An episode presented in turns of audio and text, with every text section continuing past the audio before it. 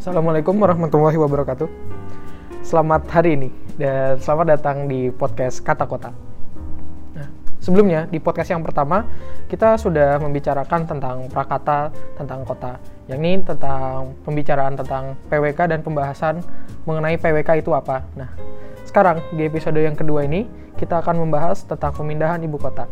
Sebelumnya, mohon maaf nih, nah, kalau di episode sebelumnya tuh kami pernah bilang tentang podcast ini bahwa akan disiarkan dua minggu sekali. Nah, uh, ini udah jeda beberapa bulan sih sebenarnya, tapi uh, kami mau minta maaf aja.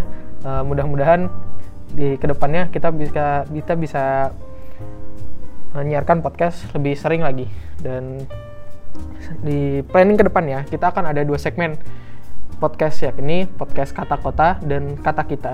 Di kata kota ini kita akan berbicara tentang isu-isu perkotaan, sementara di kata kita ini, di kata kita akan lebih berbicara tentang isu-isu tentang kemahasiswaan dan juga tentang HMT PWK.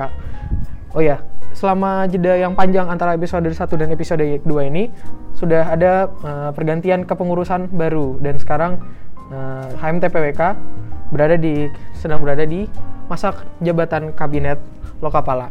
Nah, perkenalkan uh, nama saya Nafi Ardika selaku anchor pertama di sini dan saya tidak sendiri sebagai anchor di podcast ini. Yang kedua adalah Mas Ihsan Rafsanjani. Nah, boleh kenalan dulu Mas? Uh, Oke, okay. perkenalan. Perkenalkan nama saya uh, Ihsan Rafsanjani, biasa dipanggil Rafsan, PWK 2017. Uh, kebetulan di sini menjadi moderator juga ya. dari divisi DP3 uh, himpunan mahasiswa PWK Pramuka Arcapada uh, mungkin ya dan kalau saya ini berarti dari saya dari Medinfo atau Media dan Informasi dan podcast ini merupakan bentuk kerjasama dari divisi media dan informasi dengan divisi DP3 atau divisi P3 nya apa mas nih? P3 nya itu uh, pendidikan, profesi dan penelitian. Oke, mantap. Oke. Dan sekarang kita akan masuk ke pembahasan tentang ibu kota ini dan kita akan mengulik lagi tentang pemindahan ibu kota ini bersama narasumber dan ahli yakni Pak Profesor Insinyur Bakti Setiawan MA PhD kepada Pak Bobby ya sering dipanggilnya. Ya. Boleh perkenalkan nama, diri. Nama populer ya. Uh, tentu semua orang tahu Bakti Setiawan tapi cukup panggil saja Bobby ya. Saya ngajar di uh, Departemen Arsitektur dan Planning khususnya PWK baik S1, S2 dan S3. Mungkin yang penting di S2 saya ngajar planning teori ya. Uh, misalnya juga land management, community development dan sebagainya. S1 saya ngajar apa community development dan isu-isu atau permasalahan pembangunan. Ya. Luar biasa sekali ya narasumber kita ini. Dan kita akan mengulik lebih lanjut lagi tentang pemindahan ibu kota ini. Oke, Mas Rafsan bisa dimulai aja nih kita bahas-bahas hari ini. Uh, boleh, boleh. Kita enaknya kita mulai dari mana nih? Karena uh, kita akan membahas isu ibu kota. Sebelumnya kita harus lebih tahu dulu gak sih ibu kota itu apa? Betul banget sih. Biar kita juga tahu gitu kenapa uh, ada ibu kota ini dan apa pentingnya ibu kota dalam suatu negara. Mungkin kalau dari uh, Pak Bobi ya, bisa menjelaskan tentang apa itu ibu kota dan apa pengaruhnya untuk negara, Pak? Uh, saya kira menarik ya. Uh, kita di Indonesia pakai kata-kata ibu kota ya. Uh, di bahasa Inggrisnya capital city. Ya. Uh, mungkin kita juga refer pada ibu pertiwi, ya, tahu. Tapi ibu kota apakah induknya kota-kota? Ya? Itu kan menarik ya. ya. Uh, tapi yang penting selama ini yang eh, di publik kan eh, ibu kota itu adalah Jakarta dan biasanya orang mencampurkan antara ibu kota sebagai pusat pemerintahan sekaligus pusat ekonomi. Mungkin kita mulai dari eh, situ. Yang mana kebetulan ibu kota kita yang saat ini Jakarta itu eh, baik sebagai ibu kota pemerintahan sekaligus sebagai ibu kota eh, ekonomi ya. Bahkan juga ibu kota ya ekonomi itu pemerintah juga politik dan sebagainya. Tapi paling tidak secara keseluruhan kita bisa membedakan antara ibu kota eh, eh, ekonomi dan ibu kota pemerintahan Lalu tentunya juga harus diklasifikasikan karena ibu kota itu juga mungkin ada gradasinya. Ibu kota negara, ibu kota satu wilayah provinsi, bisa saja kita menggunakan saya kira terminologi ibu kota untuk wilayah kabupaten dan uh, ya kabupaten ya. Jadi tentunya dalam konteks yang akhir-akhir dibicarakan oleh di Indonesia adalah ibu kota negara dan itu kenapa kita singkat dengan IKN ya isu-isu ibu kota negara. Ya. Mungkin Mungkin sangat jelas ya Iya. penjelasan dari Pak Bobi sangat mengenai jelas. terminologi ibu kota. ya.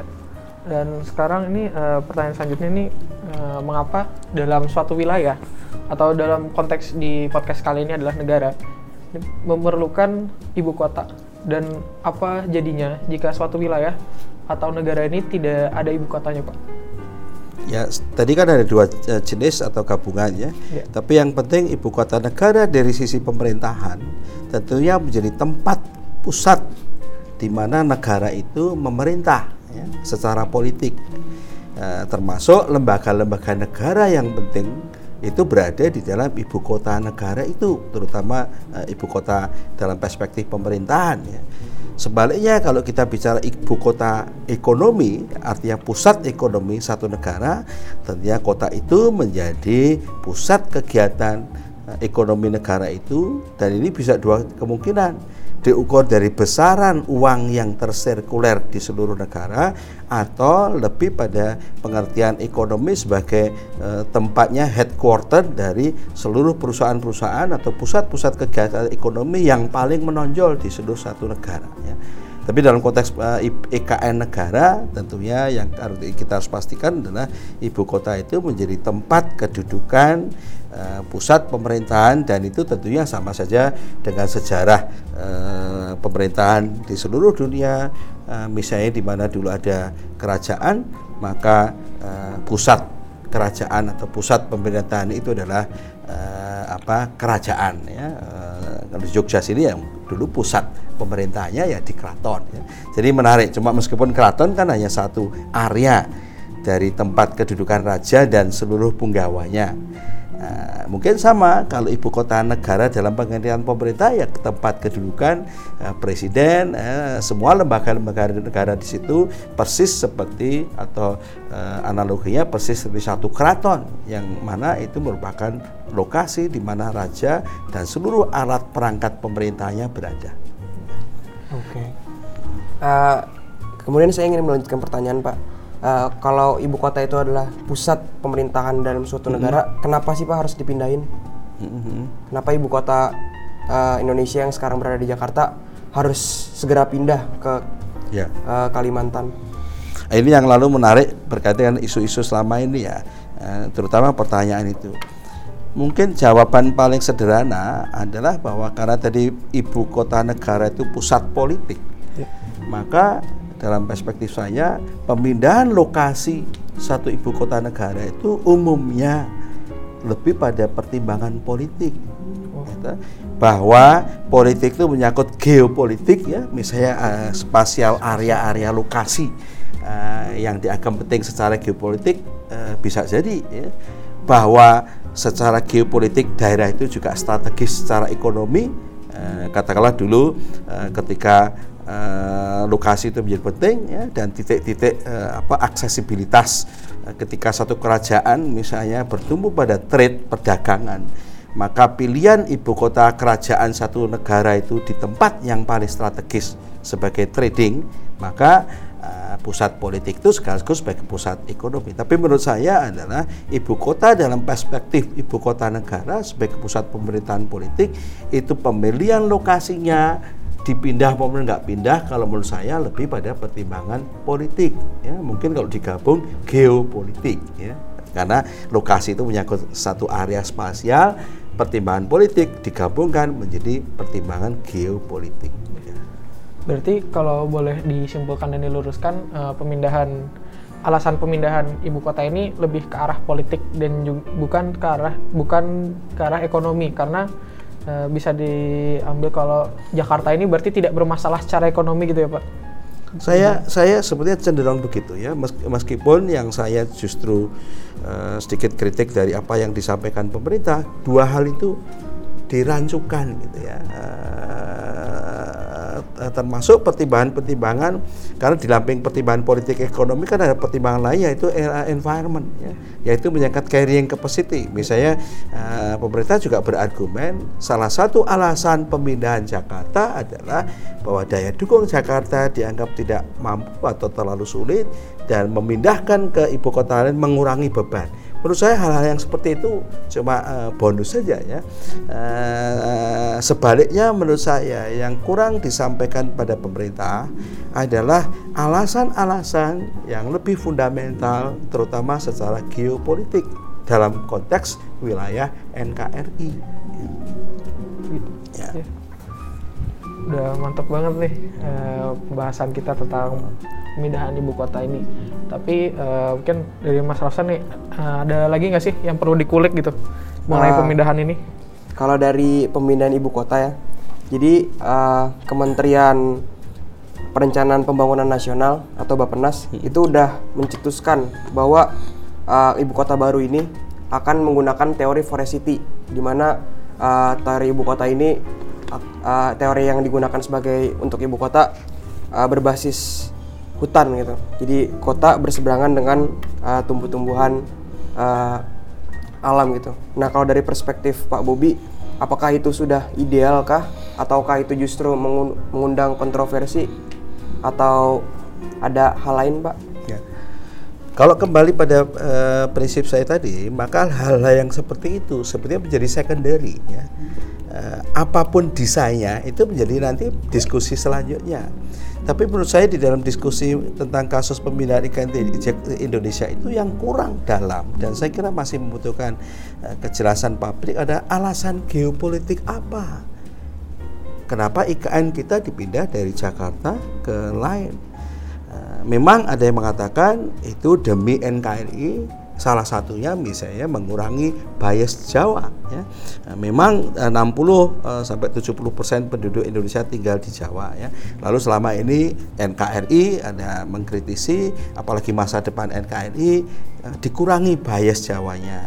Ada yang mengatakan Jakarta mempunyai beban historis karena post kolonial dulu adalah dikembangkan dan kita menggunakan ruang-ruang atau pusat kota yang sejak lama dalam era kolonial digunakan oleh uh, Belanda. Itu contohnya ya. Tapi itu yang menurut saya narasi yang cukup kuat ya. Mengapa secara geopolitik kita perlu keluar dari Jawa? Itu satu hal ya. Perlu apa tidak? Misalnya secara uh, tadi geopolitik itu pusat pemerintahan NKRI dari Sabang sampai uh, uh, Papua itu di luar Jawa itu sendiri harus ditegaskan meskipun alasan Bapena juga ada sebagian. Baru berikut, berikutnya mengapa atau mencari lokasi di luar Jawa. Lalu memang sudah muncul selama ini Kalimantan, tas secara geografis di tengah, uh, harus di tepi pantai untuk mendekati Akli, lalu paling uh, apa, uh, bebas dari bencana, itu juga secondary. Ya. Uh, tapi tapi misalnya, oke kalau di luar Jawa kan orang Sumatera juga kenapa nggak di Sumatera? Orang Papua di ujung timur sana kan kenapa nggak di tempat kami? itu kan sebetulnya perlu penjelasan kalau yeah. memang misalnya ada yang orang Sulawesi oh, oh why not in Sulawesi gitu ya. ya ini ini yang yang menurut saya itu harus perlu ditegaskan ya diperkuat karena uh, uh, kalau uh, alasan utama pindahan itu harus secara nasional atau geopolitik maka secara politik juga harus sepakati seluruh anak bangsa ini kan baru gagasan eksekutif yaitu yeah. Presiden Jokowi yang nanti butuh kepastian anggota dewan. Tapi bukan hanya itu, juga butuh dukungan support dari seluruh rakyat Indonesia apalagi anak-anak muda seperti kamu yang membayangkan karena juga orientasinya kan jauh ke depan ya 100 tahun Indonesia ya kamu seperti anak-anak muda yang punya gambaran oh bagi saya memang sebaiknya IKN 100 tahun ke depan atau paling tidak 50 uh, di masamu nanti itu tidak di Jawa. Oh oke okay, pak. Uh, jadi uh, saya mengambil dari uh, publikasi rencana pemindahan ibu kota negara yang dicetuskan oleh Bapak Nas pak. Uh. Uh, jadi uh, untuk mengapa ibu kota pindah itu karena penduduk sekitar 57% penduduk Indonesia itu terkonsentrasi di Pulau Jawa. dan mengapa uh, pindahnya ke Kalimantan? Karena kontribusi ekonomi per pulau terhadap PDB nasional itu Kalimantan hanya memiliki 8,20 persen, sedangkan uh, untuk posisi Jawa itu uh, berada di 58,49 persen dan Sumatera 21,66 persen. Uh, apakah pendapat Bapak itu sudah cocok ataukah masih kontroversial, Pak? Ya itu kan salah satu penjelasan secara ekonomi ya. Ya.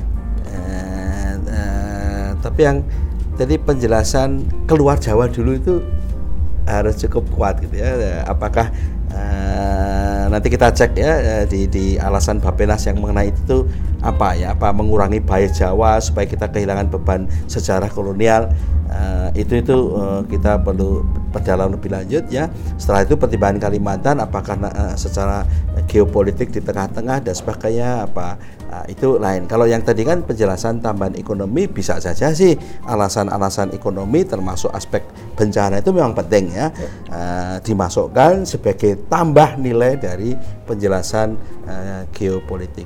Tapi sih nggak masalah tadi penjelasan tambahan ekonomi tadi ya. Terdapat juga Pak, di sini dituliskan bahwa krisis tersediaan air di Pulau Jawa, terutama di DKI Jakarta dan Jawa Timur, itu uh, sangatlah krusial. Dan ada juga konversi lahan terbesar terjadi di Pulau Jawa gitu Pak. Jadi apakah itu salah satu alasan besar sebagai pemindahan ibu kota itu keluar Jawa? Apakah Kalau kita belajar dari eh, bukunya Vadim Rosman ya, saya kira itu satu-satunya buku yang mengkompilasikan puluhan kalau nggak salah sampai 60 kasus-kasus pemindahan ibu kota di seluruh dunia. Eh, bahkan eh, minggu lalu atau dua minggu lalu ketika ada ya, ISOCOP eh, Conference perencana seluruh dunia di Jakarta kita live show dengan Vadim Rosman dia menyarankan bahwa memang alasan-alasan pemindahan ibu kota di berbagai negara itu yang sampai 60 ada alasan negatif atau reasoning negative reason dan ada positive reason. Tapi menurut dia yang sukses itu adalah kasus-kasus di mana lebih mengetengahkan positif reason daripada negatif reason ya. Maka tadi ilustrasi itu oh kalau di anu krisis air itu menurut saya contoh dari negatif reason. Pengalaman dia adalah kalau kamu memindahkan ibu kotanya mulailah dengan alasan-alasan yang positif. Termasuk misalnya kalau NKRI demi NKRI yang masa depan demi simbol negara yang lebih kuat di masa depan demi Indonesia yang akan menjadi eh, nomor tiga atau lima di dunia maka kita mm, demi masa depan yang lebih baik demi itu itu maksudnya positif reasonnya itu saya sangat sepakat ya. Eh, karena kalau positif reasonnya kita ketengahkan eh, impact-impact negatifnya termasuk masalah finance eh, dan sebagainya itu menjadi secondary ya. Eh, kapan pun ya waktu. Orang kan mempersoalkan eh, waktunya panjang atau terlalu pendek terlalu terlalu awal. Tapi kalau kita semua sepakat dengan positif reasonnya kan memang sesuatu yang positif harus dimulai ya. Perkara selesainya kapan? Belasan tahun ke depan. Artinya eh, publikasi mengenai pemindahan ibu kota ini harus diawali dengan alasan-alasan yang optimis gitu ya Pak. Itu yang saya kira pemerintah kurang ya. Eh, Pak Jokowi dan sebagainya proses transparansi publiknya kurang eh, agak mendadak ya dan kurang direncanakan eh, sebagai satu proses pembangunan konsensus nasional ya. sekali lagi konsensus nasional tidak hanya anggota dewan. Kemarin keputusan undang-undang itu hanya anggota dewan ya publik juga eh, eh, protes ya. Maka yang direncanakan oleh eh, eksekutif eh, adalah satu eh, plan eh, konsensus nasional yang memungkinkan pemindahan itu dibicarakan dan disepakati secara nasional. Seluruh seluruh komponen bangsa. Kan banyak warga bangsa yang nggak merasa bagian dari eh, representasi D- DPR ya. Meskipun secara politik hukum merupakan representasi. sah ya secara undang-undang. Jadi eh, bisa dikatakan pemerintah ini terlalu terburu-buru gitu Pak mengenai publikasi. Ya dan kurang cukup eh, sistematis di dalam mengambil atau menyampaikan satu usulan kan memang sifatnya baru gagasan ya. Dan eh, saya sangat sayang kalau gagasan yang eh, karena sebetulnya in general banyak orang dan pengalaman dari berbagai negara sih oke-oke saja ya. Eh, bisa berhasil, bisa tidak ya. Tapi katakanlah kalau ini diawali dari gagasan yang bagus, akan sangat sayang kalau uh, karena proses sosialisasi yang kurang bagus gagasan itu mati di uh, sejak awal ya. Hmm, Oke, okay. uh, untuk ini Pak, jadi kan karena ibu kota ini akan dipindahkan, akan dipindahkan itu hanya baru sebuah gagasan. Menurut perspektif dari Pak Bobi, uh, ibu kota yang ideal itu terencana seperti apa sih Pak? Apakah harus menggunakan teori uh, seorang ahli ataukah hanya ibu kota hanya memerlukan suatu hal yang pokok dalam suatu kota atau bagaimana Pak? Ya tentunya kalau satu tadi yang persoalan-persoalan keputusan sudah yeah. mengenai kota seperti apa itu banyak kemungkinannya. Cuma yang kita harus bersyukur adalah karena pada era ini sebetulnya berbagai konsep baru mengenai pengembangan kota itu sudah ada entah itu smart city, eco city, forest city, sustainable city, green city, apa pun ya. Itu kan ada ya. Sehingga eh, kita mempunyai peluang untuk mau meramu berbagai konsep dan teori menata atau merencanakan kota yang baik untuk kita terapkan pada ibu kota negara dan itu bisa menjadi eh, ya karena kita bangun paling akhir ya kecuali kalau nanti ada negara lain juga seharusnya kita bisa menunjukkan yang the best ya. Eh, belajar di pengalaman 60 kasus lain atau puluhan ibu kota negara kan kita bisa belajar mana yang paling bagus mana yang kurang dan kita bisa membangun sesuatu yang paling bagus di dunia harusnya kan gitu. Jadi sangat diuntungkan kita itu ya. Meskipun nanti kan ada faktor-faktor konsten biaya dan sebagainya dan sebagainya ya termasuk misalnya yang tidak harus kalah penting adalah image ya eh, local karakter ya nah ini kan lalu nanti menjadi perdebatan menarik apakah karakter Pancasila itu muncul dalam eh, apa wujud spasial itu nantilah itu ranahnya desain. Nah ini kan uh, isu tentang pemindahan kota ini bukanlah uh, isu yang baru hangat tahun ini gitu Pak. Tahun-tahun sebelumnya bahkan uh, pernah ada isu-isu tentang pemindahan ibu kota, ataupun uh, seperti lampu yang terang redup terang redup gitu Pak di media ya, ini. Ya. Nah, uh, menurut Bapak sendiri kira-kira nih Pak, kalau misalkan ibu kota kita ini jadi pindah, kira-kira uh, waktu transisi untuk memindahkan ibu kota ke lokasi yang baru dan loka lokasi yang baru tersebut sudah bisa berjalan sebagai ibu kota itu perlu waktu berapa lama Pak? Jika dihitung dari tahun ini? Kalau itu relatif ya, artinya uh, katakanlah kalau dengan uh, asumsi-asumsi Bapenas ini kan berapa dia pakai uh, tahun ya 15 20 tahun tapi tapi nggak saya nggak terlalu peduli dengan itu ya saya lebih peduli pada kalau ini gagasan itu disepakati oleh satu seluruh warga bangsa kapan pun dia mulai, kapan pun dia berakhir, no problem ya.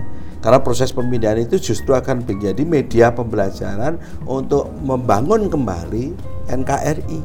Mau 10 tahun kayak, 15 tahun kayak, 20 tahun kayak, menurut saya nggak masalah ya. Uh, sebaliknya justru saya juga khawatir dengan uh, tradisi Pak Jokowi yang pengen segera cepat bagus ya saya termasuk yang menghargai katakanlah uh, salah satu keunggulan Presiden Jokowi itu kan uh, cekat-ceket orang Jawa bilang ya uh, tidak terlalu banyak pertimbangan dan untuk kasus-kasus uh, infrastruktur basic yang kita tuh memang utang puluhan tahun ya. Termasuk ini kan sejak uh, kita merdeka kan sudah jadi diskusi ya, ya. jadi harus di, di, di, di, di apa pun ya diapresiasi uh, ke, keinginan Pak Jokowi untuk segera memulai uh, awal ini ya tapi tadi uh, pesan saya tentunya nanti uh, tergantung. Tapi memang kalau nggak dimulai uh, jadi uh, uh, we have to start ya kasarannya begitu ya. Uh, tapi juga jangan terlalu tergesa-gesa ya. Kalau saran saya pada Pak Jokowi jangan hanya apalagi dalam time frame lima tahun ke depan terutama periode beliau beliau punya ambisi yang terlalu personal bahwa uh, harus moving uh, within the next five years gitu kalau uh, saya nggak harus dipaksakan begitu ya karena salah satu kritiknya kan dari sisi financing ya uh, tentunya tidak mungkin lima tahun ke depan kita menganggarkan sampai 400 triliun ya nggak tahu nanti itu harus secara cermat diprogramkan ya. Artinya pemindahan ibu kota ini jangan dilakukan terbu dengan terburu-buru, tapi uh, justru harus uh, membangun dulu kesepakatannya ya Pak. Iya. Gitu. Kalau di periode ini sepakat saja ya, itu sudah dan bahkan peletakan batu pertama saja ya, ya sedikit infrastruktur basic sih oke-oke saja ya, itu sudah sangat eh, momentum sekali gitu ya. Jadi eh, saya saran saya pada Pak Jokowi janganlah lalu membayangkan. Ya syukur bisa ya tapi jangan terlalu ambisius bahwa di at the end of his second period seakan-akan istananya udah jadi dulu gitu ya Eh, kan seakan-akan kemarin sepertinya mau Iya, gitu ya. seperti bisa sih bangun fisik gampang. Tahun depan aja dibangun bisa ya. Kantor kementerian apa kayak bisa aja. Tapi eh, kalau itu nanti eh, eh, apa menjadi eh, eh, ambisi sepihak saja saya khawatir proses kelanjutannya kan lalu menjadi eh, justru dipertanyakan ya. Yang warisannya dapat dikatakan sebagai presiden infrastruktur gitu ya Pak. Ya, ya mungkin kita bisa memahami Pak Jokowi ingin memberikan legacy ya. Tapi kalau saya pikir pengertian legasi itu harus dikurangi, tidak perlu dalam bentuk bangunan fisik. Ya. Legacy untuk memutuskan dalam lima tahun ke depan kita semua bangsa sepakat itu sudah semua bangsa akan mengenang Pak Jokowi sebagai presiden yang berani mengusulkan kembali dan dalam 4-5 tahun ke depan berani atau bersama seluruh warga bangsa sepakat itu sudah luar biasa ya. Oke, jadi eh, pemindahan ibu kota ini bukan suatu hal yang instan dan juga bukan suatu hal yang mudah dicapai ya Pak. Dan Ya jangan justru- dibandingkan dengan bangun fisik tol ya. Iya. Yang memang empat tahun kemarin Pak Jokowi sukses, tapi ini kan beda. Ya. Ya. Dan justru dari proses pemindahannya itulah bangsa Indonesia ini harus belajar dan juga lebih bisa untuk untuk merapihkan diri istilahnya Ya, gitu ya Pak. Saya kira ya. Dan itu sebenarnya sebelah anak-anak muda ya. Iya. Kamu-kamu itu sebenarnya eh, lebih speak up terhadap i- i- Iya. ini ya. Karena ya, ini kan ada menjadi tempatmu, bahkan menjadi bebanmu. Iya jelas Pak. Dan Eh, kalau ini saya dan Mas Rafsan ini kan mungkin sekitar bisa Iya. dihitung 3 sampai 5 tahun lagi lulus dan pasti kita Lah ya, sendiri termasuk yang- kalau kamu termasuk masuk terjun saat kerja di pemerintah pusat kan udah Iya. mikirin tempatmu itu di sono di Kalimantan di mana gitu ya. Iya. Eh, that is your life. istilahnya. Kalau saya sudah santai-santai aja. ya. lanjutin deh Mas. Apalagi Ah, nih? Mungkin Yang bisa kita Pak, kulik.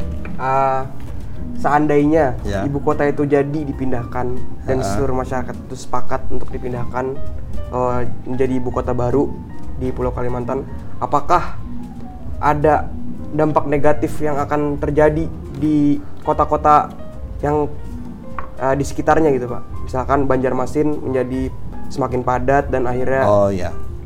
uh, menjadi crowded ataukah menjadi tempat transit sebuah ibu kota ataukah ada hal lain yang menjadi dampak negatif pak Ya itu satu pertanyaan yang menarik dan kebetulan kemarin di Isikop juga didiskusikan. Meskipun yang dipindah itu hanya ibu kota pemerintahan, yang Bapenas mengatakan itu hanya kota dengan populasi sekitar 1 sampai satu setengah juta jiwa.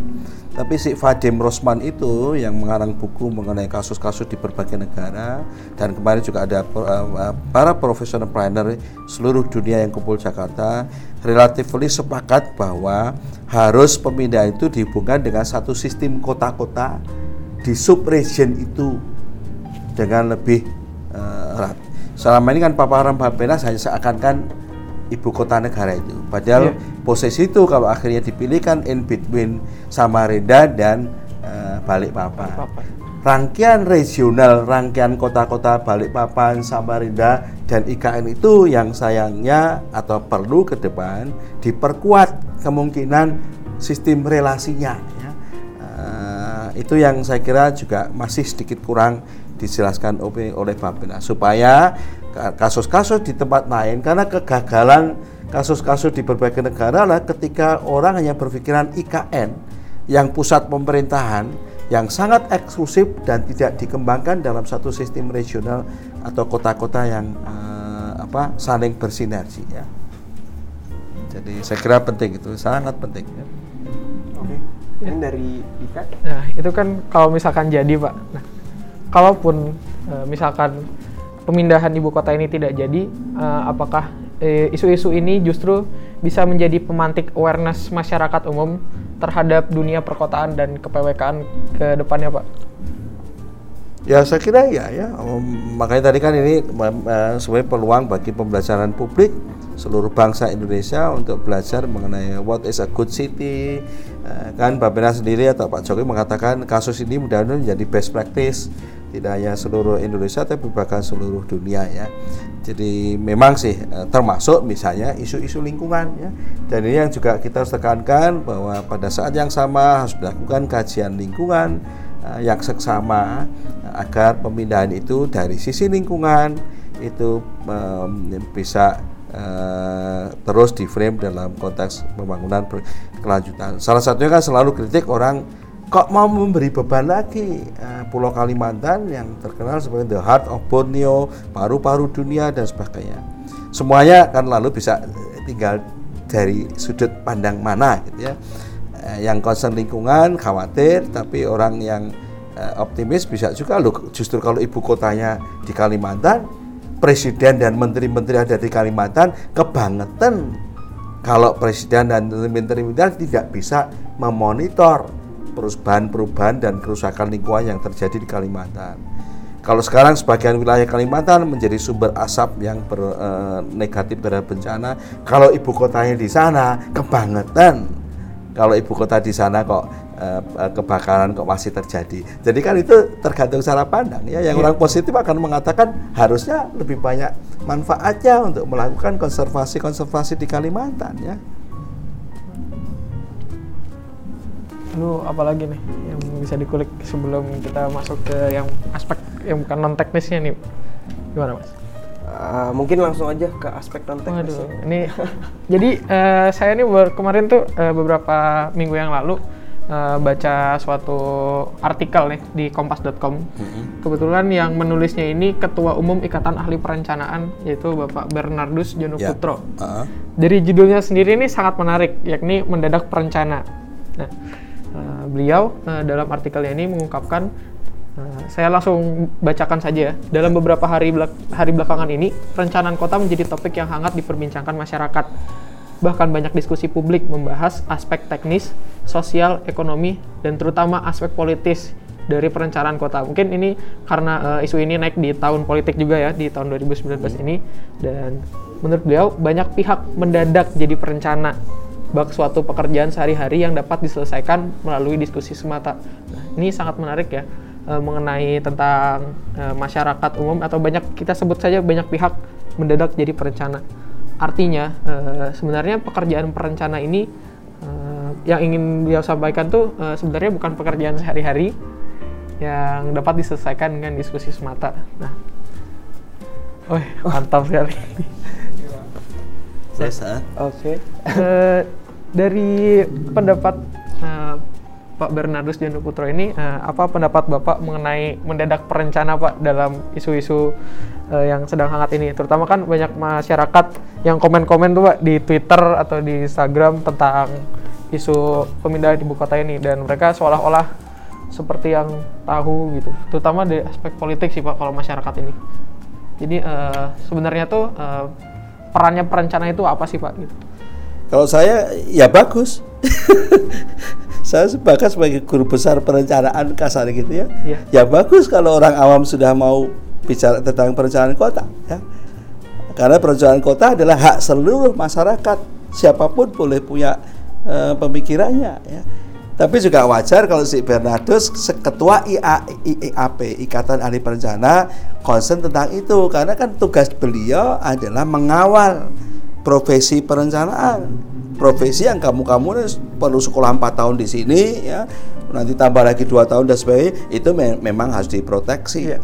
ekspertis di bidang perencanaan itu ada profesi di bidang perencanaan ada. Tapi dalam perspektif bahwa satu kasus perencanaan kota itu mem mem memicu diskusi pabrik saya rasa bagus ya. Nah, nanti kan di dalam proses pembelajarannya kan kentara mana yang asal komen ya. E, di sisi lain tugas pakar perencana kami dari guru besar dari pendidikan tinggi dari Pak Bernardus sebagai itu meluruskan ya. E, perdebatan yang sangat terbuka terhadap perencanaan. Jadi menurut saya wajar-wajar saya bahkan saya melihat sesuatu yang positif karena salah satu e, agenda profesi perencana saat ini kan justru profesi perencana belum terkenal oleh publik ya maka bagus juga dia kalau komentar mendadak perencana ya untuk semakin memperkenalkan uh, bidang perencanaan pada publik dan ini sekali lagi media yang bagus Jadi eh, momentum ini justru bisa menjadi batu loncatan lagi ya ya, ya. dunia perencanaan ini. saya no worry lah Ya. maksudnya ya Jadi eh, menurut saya nih Pak, eh, justru dengan banyaknya kritik sana sini dari masyarakat itu tuh bisa menjadi med- momentumnya pemerintah untuk menghimpun opini-opini masyarakat mengenai impiannya terhadap ibu kota baru. nah ya ya, ya, ya. Jadi eh, kalau menurut saya ini pemerintah tuh justru lebih bisa untuk menggali apa sih masyarakat pengennya gitu secara secara umum dan secara gamblang yang diucapkan masyarakat dengan eh, kebebasannya di sosial media seperti itu. Saya kira ya ya, Om kita kan di The New Urban Agenda bicara inclusive city ya. Kalau saya inclusive city itu tidak bentuk kotanya saja, tapi proses perencanaan juga inklusif. Setiap warga kota punya hak atas kota yang dia inginkan. Maka setiap anak bangsa Indonesia punya hak berbicara atas IKN yang akan kita bangun ke depan. ya. Apa lagi nih yang mau dikulik? Mungkin ini Pak dari beberapa isu yang telah diangkat. Jadi ada beberapa media yang mengatakan bahwa uh, apakah i- pemindahan ibu kota yang dilakukan saat ini itu sudah uh, waktunya untuk dilakukan gitu Pak. Apakah saat ini sa- saat ini waktunya untuk pemindahan ibu kota ataukah em, masih banyak masalah-masalah negara yang harus diselesaikan terlebih dahulu gitu Pak. Karena pemindahan ibu kota ini bukanlah sebuah urgensi dalam suatu negara yang sangat penting kalau dikatakan Ya. oleh media. Iya. Ya. Um, mungkin dari perspektif Bapak, apakah uh, ibu kota itu harus dipindahkan secepatnya ataukah itu bukanlah suatu hal yang Ya. urgensi, Pak? Ya. Jawaban saya ya dan tidak ya.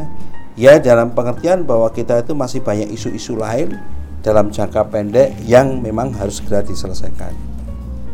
Tapi pada saat yang sama satu keputusan tentang masa depan negara yang jauh lebih panjang juga harus diambil. Oleh karena itu tadi kan saya katakan eh, kita harus apresiasi kalau katakanlah Pak Jokowi ingin eh, mengakhiri atau membuat legacy di dalam second period itu mengambil atau melakukan satu kesepakatan nasional. Tapi bahwa memindahkan secara fisiknya tidak harus dalam 1 2 3 tahun ke depan ya. Kan beda antara kesepakatan nasional kita pindah negara sampai bangun fisiknya ya. Misalnya dari sisi banyak kritik kita belum siap uangnya ya memang ada urgensi lain. Tapi kalau kita sepakat terhadap masa depan Indonesia 100 tahun ke depan memang ibu kotanya harus dipindah itu yang lebih penting. Ini kan 100 tahun ke depan. Jadi jadi eh, tadi saya jawaban saya ya dan tidak dalam pengertian eh, satu keputusan jangka panjang harus diambil pada saat yang sama kita memang harusnya memprioritaskan hal yang paling urgen ya. Eh, saya ada istilah dalam bahasa Inggris itu sailing while building the, the boat ya. Jadi mungkin bisa dianalogikan kita harus terus belayar sering kali sambil membangun kapalnya. Sehingga katakanlah kita punya satu tujuan jangka panjang jauh ke depan itu harus dipikirkan.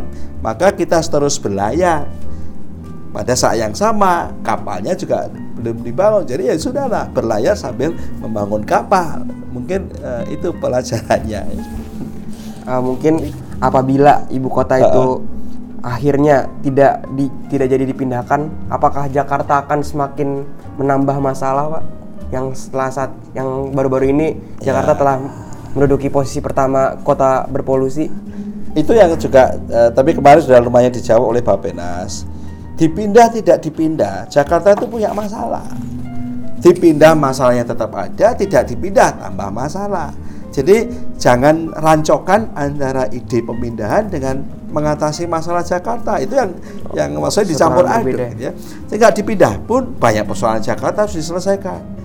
Tapi dipindah pun mengambil satu juta orang Jakarta tidak berarti masalah di Jakarta selesai. Jadi eh, oleh karena itu kan eh, Bapenas kalau nggak salah presentasi kalau toh tetap dipindah urban regeneration project di Jakarta yang juga hampir mencapai 500 triliun itu juga sudah terus dan terus dan akan dilakukan. Jadi dua hal itu sekali lagi yang orang mencampur adukkan kalau menurut saya ya. Eh, itu please tolong di tapi resahkan ya. Oke. Oke. Eh, eh, mungkin ada yang mau dikulik lagi kan nih mengenai ibu kota. Oh ya, dan eh, kami di sini nggak cuma bertiga nih. Eh, di sini tuh banyak lagi eh, anggota-anggota dari AMTPWK. auditor ya. Yang saya yang picu ya. Nih. Kemarin saya saya kira concern dari teman-teman IAP tadi Bernardus tadi adalah eh, kalau nggak salah kok muncul tornya dari Bapenas yang mengharuskan lomba desainnya itu salah satu persyaratannya adalah mereka yang lulusan S2 luar negeri. Kalau nggak salah ASPI Asosiasi Sekolah Perencanaan sudah membuat surat komplain ya. Saya kira saya sepakat saja tentang hal itu bahwa saya sebagai guru besar di bidang perencanaan eh, juga harus memproteksi bahwa kami harus meyakini bahwa lulusan-lulusan S1, S2 sekolah perencanaan di Indonesia mampu. Jadi kalau ada tor itu saya juga nggak setuju ya. Eh, dan eh, justru kamu juga harus memprotes ya. Iya. kalau ada persyaratan itu saya nggak tahu di dalam perkembangannya seperti apa ya. Mungkin dari teman-teman nih ada pertanyaan yang ingin disampaikan kan nih? Eh, boleh. Bentar, bentar. Ke depan aja, Ya. ke, ke sini aja mas. Supaya terekam ya. Perkenalkan juga namanya nih. Eh, boleh. ada ada anggota MTPK yang lainnya nih. Dari divisi apa juga boleh. Ya, langsung gini ya. cek cek Perkenalkan nama saya Zahi pak dari PEK 17 Eh, beliau itu mau nanya sebenarnya mungkin sa minta saran gitu bapak Nas minta saran ke bapak gitu seandainya. Bagaimana cara untuk meyakinkan masyarakat bahwa pemilihan ini tuh udah benar gitu bagaimana? Karena saya tadi tuh Pemindahan. pemindahan ibu kota ini udah benar apa belum? Karena tadi barusan aja di kota gede itu ada yang nggak percaya masihan terkait pemindahan ibu kota ini apakah udah benar atau belum? Ya. Mungkin itu aja sih pak mungkin minta saran gitu. Ada dua hal. Satu adalah merancang yang tadi saya katakan proses sosialisasi eh, atau diseminasi pada publik ya. Eh, misalnya kalau perlu kan diskusi di masing-masing provinsi, oh, selalu mewartakan atau menyebar tulisan ya. Eh, sekarang yang namanya penelitian saja kita nggak bisa akses ya. Yang kita bisa dapatkan selama ini kan hanya PPT. Ya masa pemindahan ibu kota eh, semua risetnya hanya disarikan dalam bentuk PPT eh, PowerPoint eh, transparansi ya. Memang dalam 2-3 bulan terakhir ini Bapenas selalu mengadakan diskusi satu bulan sekali satu bulan yang diundang terbatas jadi apa namanya proses-proses itu ya sampai pada besok kalau memang bertemu dengan dewan kemarin kan awalnya ketika Pak Jokowi kalau nggak salah bertemu dengan anggota dewan mohon izin ingin memindahkan. Nah kan dewan belum bicara oke. Itu kan baru yang proses politik formal yang dengan seluruh warga bangsa itu belum. Ya saya kemarin membayangkan harusnya Jokowi kalau eh, introduksi itu tuh alangkah baiknya kalau sebetulnya seluruh presiden-presiden terdahulu itu dijak rembukan dulu ada Habibie, ada SBY, ada siapa disewani masing-masing lalu satu saat mereka itu announce bareng kita para mantan presiden saat ini oh, kan Setuju seru. satu, ya. anggota dewan parpol-parpol tokoh-tokoh bangsa formal informal ya silaturahmi di di istana kepresidenan apalah ya Spotlightnya masyarakat jadi, langsung ke sana, gitu. eh, kurang dirancang dengan Iya. bagus ya kedua strategi komunikasinya yang saya juga sudah sampaikan Bapenas belajar sebetulnya dari Vadim Rosman itu sampaikan yang positif reasonnya ya jadi satu angan-angan ide-ide positif eh, optimism eh, yang yang lebih ditonjolkan ya jangan dicampur aduk antara eh, positif eh, eh, reason and negative reason ya orang jadi bingung komentarnya juga ceblang-ceblung gitu ya eh, lalu tadi urutannya pelan-pelan dari pertimbangan politik dulu lalu nanti pertimbangan lingkungan lalu nanti entah ekonominya gitu ya jadi secara sistematis itu disampaikan. Ini yang saya kira strategi penyampaian pada publiknya kurang ya.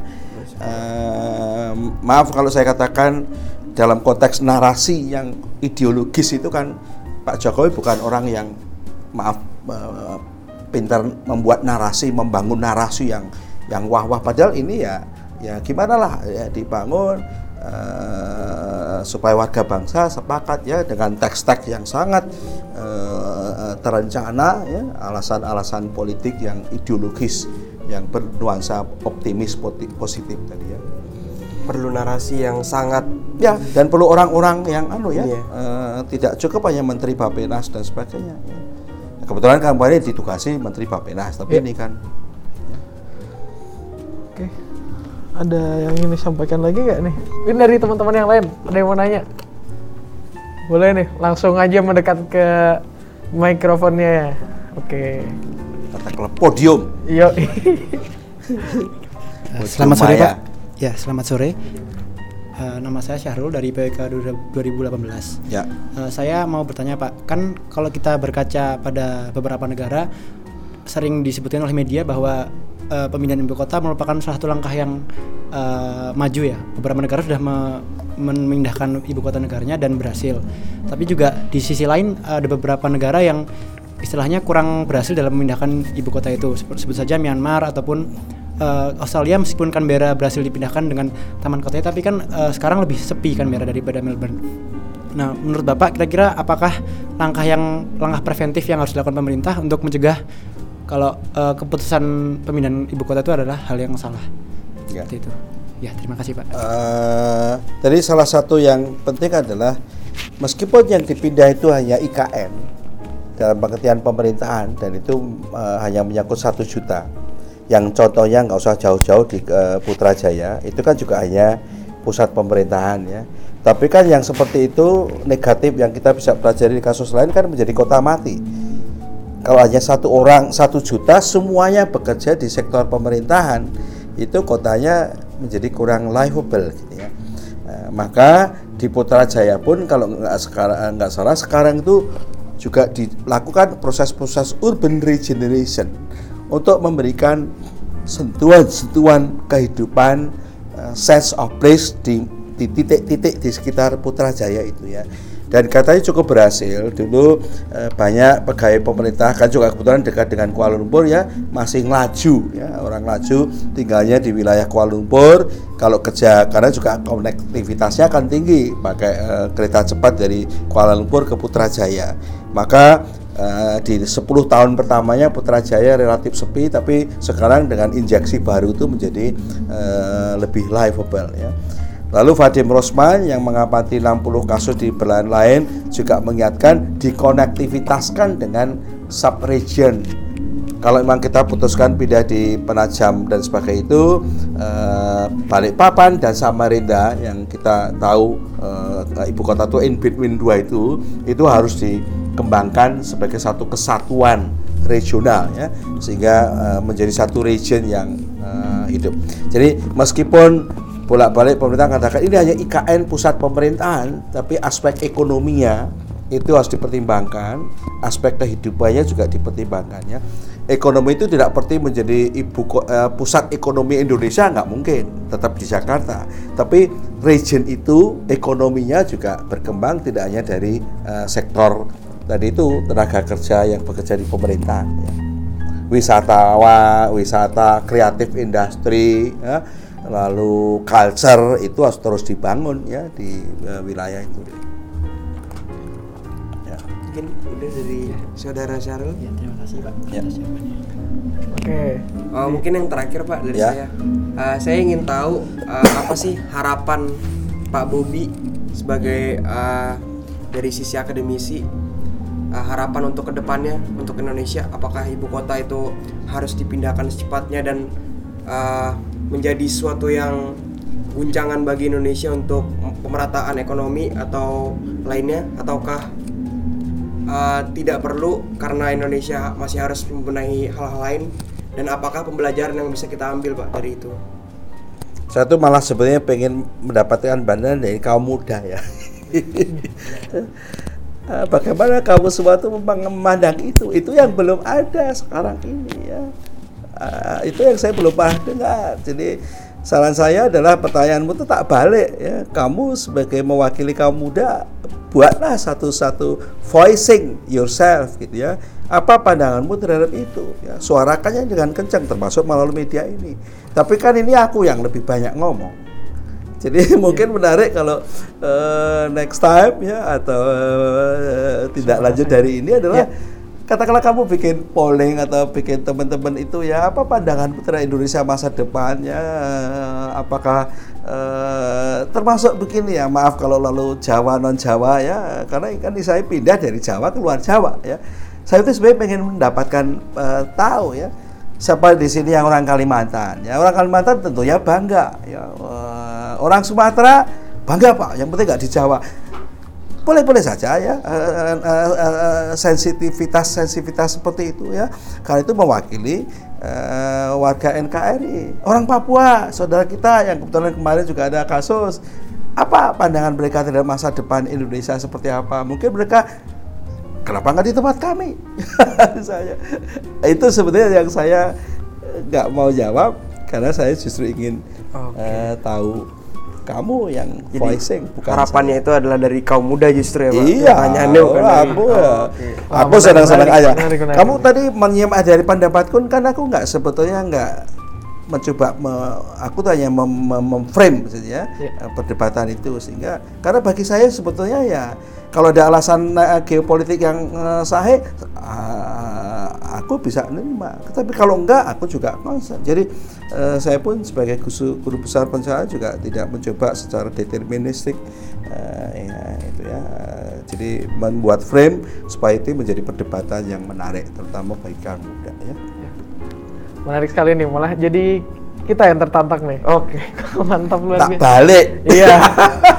Selanjutnya selanjutnya mungkin ada podcast eh, ini ya eh, mengenai tentang anak-anak di MTP WKUGM ini eh, gimana pandangannya tentang pemindahan ibu kota ini. aspirasi. Iya.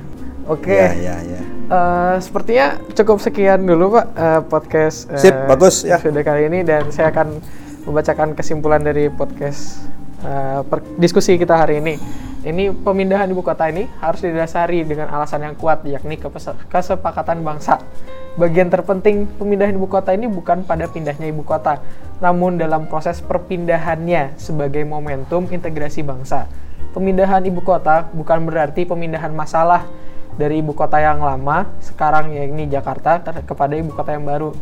Ibu kota yang lama Jakarta ia akan tetap mengemban permasalahannya sendiri dan ibu kota yang baru juga akan mengemban permasalahannya sendiri. Pemindahan ibu kota ini jadi atau tidak jadi akan menjadi momentum meningkatnya kepekaan masyarakat terhadap dunia perencanaan wilayah dan kota. Oke, eh, sepertinya eh, ini udah cukup lama juga ya kita berdiskusi. eh, mungkin eh, dari Mas Rafsan sendiri ada yang mau disampaikan atau gimana buat para pendengar setia kata kota ini? setiap oh kadang-kadang ada Baru dua udah dibilang setia nih, waduh. Gimana yang lain? Kalau dari aku mungkin Oh, pada ngonjengin jempol. Oh ya, berarti sudah mantap sekali ya. Mantap. Mantap sekali ya. Oke, untuk Agak eh, pasif ya. publikasinya eh, kita Saya akan melalui media Spotify, Anchor, dan juga ada di Google Podcast. Eh, nantikan episode-episode terbaru dari kata kota ini dan jangan lupa eh, sebelum eh, nonton yang episode 2 ini biar tahu tentang apa sih itu PWK bisa ditonton episode yang pertama. Eh, untuk catch up dari eh, HMT PWK sendiri kita eh, kalau teman-teman pendengar setia bisa lihat di Instagram kami di @hmtpwk underscore UGM di mana di situ kita eh, akan mempublikasikan eh, mengenai program kerja program kerja dan juga apa saja tentang PWK. Seperti di sini contohnya ada tentang Vesta Gama yang kemarin, ada tentang Ruang Plus dan juga tentang Hantaru. Mungkin tentang Vesta Gama ini bisa jadi yang episode selanjutnya ya. kita bikin recap aja di podcast selanjutnya gitu mungkin bisa jadi bisa penonton wah mantap Nah, sekali baru keluar suaranya. Alhamdulillah. Oke, terima kasih sudah mendengarkan. Semoga apa yang ya terima kasih kepada Pak Bobi juga sudah menjadi narasumber kami. Dan sepertinya eh, semoga apa yang sudah dipaparkan hari ini dan juga menjadi diskusi kita hari ini bisa menjadi manfaat untuk kita sendiri di- khususnya dan juga umumnya bagi pendengar dan juga pendengar yang mungkin juga anak-anak PWK nih semoga bisa menjadi tantangan dan juga menjadi pacuan agar eh, bisa apa ya bisa lebih baik lagi lah gitu ke depannya men- di dunia eh, perencanaan ini. Dan terima kasih saya Nafiarnika dan rekan saya Uh, saya Isan Rafsanjani. mengabarkan dari ruang Kalima Detap UGM. Terima, Terima kasih. kasih. Wassalamualaikum warahmatullahi wabarakatuh.